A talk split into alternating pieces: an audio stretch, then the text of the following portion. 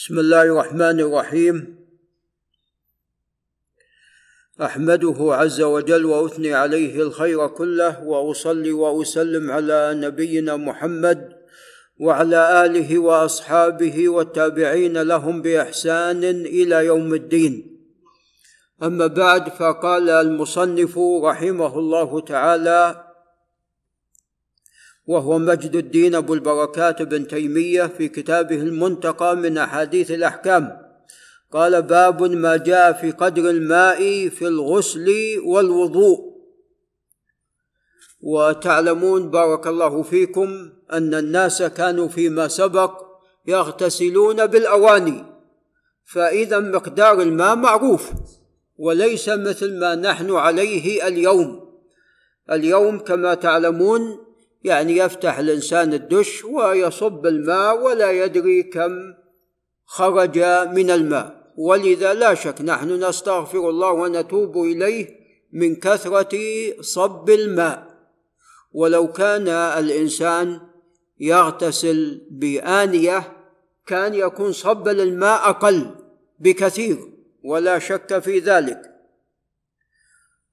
والذي ثبت عن الرسول صلى الله عليه وسلم أنه كان يغتسل بالصاع إلى صاع ربع صاع مد إلى صاع نصف.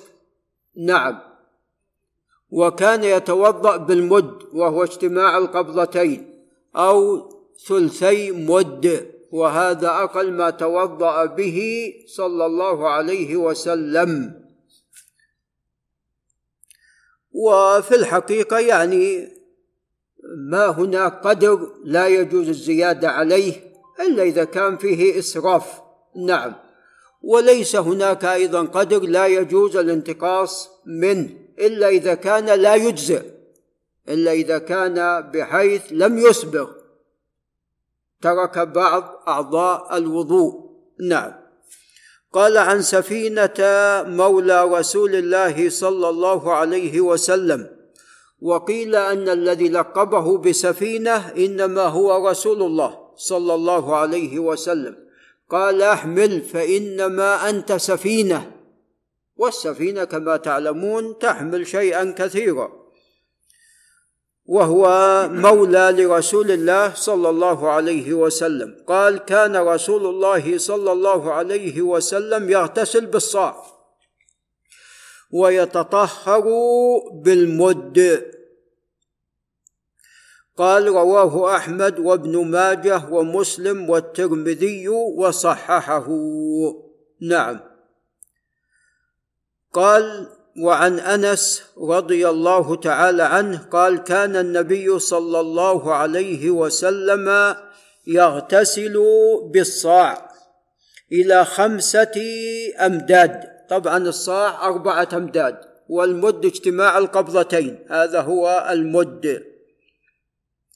فكان يغتسل بالصاع أحيانا إلى خمسة أمداد يعني إلى صاع ربع ويتوضأ بالمد. متفق عليه. وعن أنس قال كان النبي صلى الله عليه وسلم يتوضأ بناء بإناء يكون رطلين ويغتسل بالصاع. وهذه رواية بالمعنى رطلين وهي مقدار مد الرطلان مقدار مد.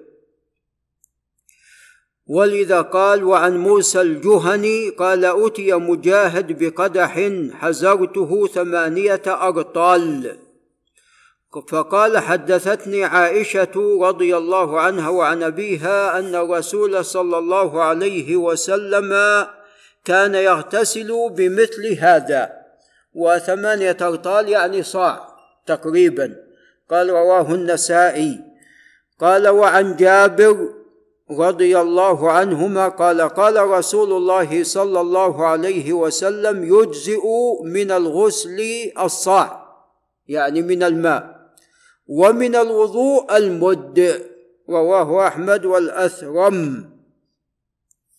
قال وعن عائشة رضي الله عنها قالت كنت أغتسل أنا ورسول الله صلى الله عليه وسلم من إناء واحد من قدح.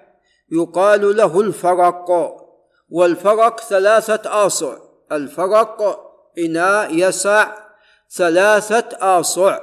يعني كل واحد له تقريبا صاع ونصف. قال متفق عليه. قال والفرق ستة عشر رطلا بالعراق. نعم. وأيضا مقادير الأرطال تختلف. يعني بين أهل الحجاز وبين أهل العراق والعمل على ما كان عند أهل الحجاز. ولذا عندما زار أبو يوسف القاضي الإمام مالكا في المدينة فذكر مقدار الصاع عندهم فخطأه الإمام مالك وسأله أبو يوسف عن الدليل فأمره أن يأتي من الغد أو يجتمعان في الغد فعندما اجتمعا جاءوا جاء من جاء من أهل المدينة قال هذا الصاع عن أبي عن جدي وهذا الصاع عن كذا وكذا فكانوا يتوارثون ذلك فعندئذ رجع أبو يوسف. نعم. والإمام مالك ليس بينه وبين الصحابة أحيانا إلا رجل واحد مالك عن نافع عن ابن عمر. فهم قد أدركوا يعني رجلين يدعو العهد النبوي التابعي والصحابي. نعم. فعندما أتى هؤلاء قالوا هذا الصاع عن أبي عن جدي وهذا كذا وهذا كذا فعندئذ رجع أو رجع أبو يوسف القاضي.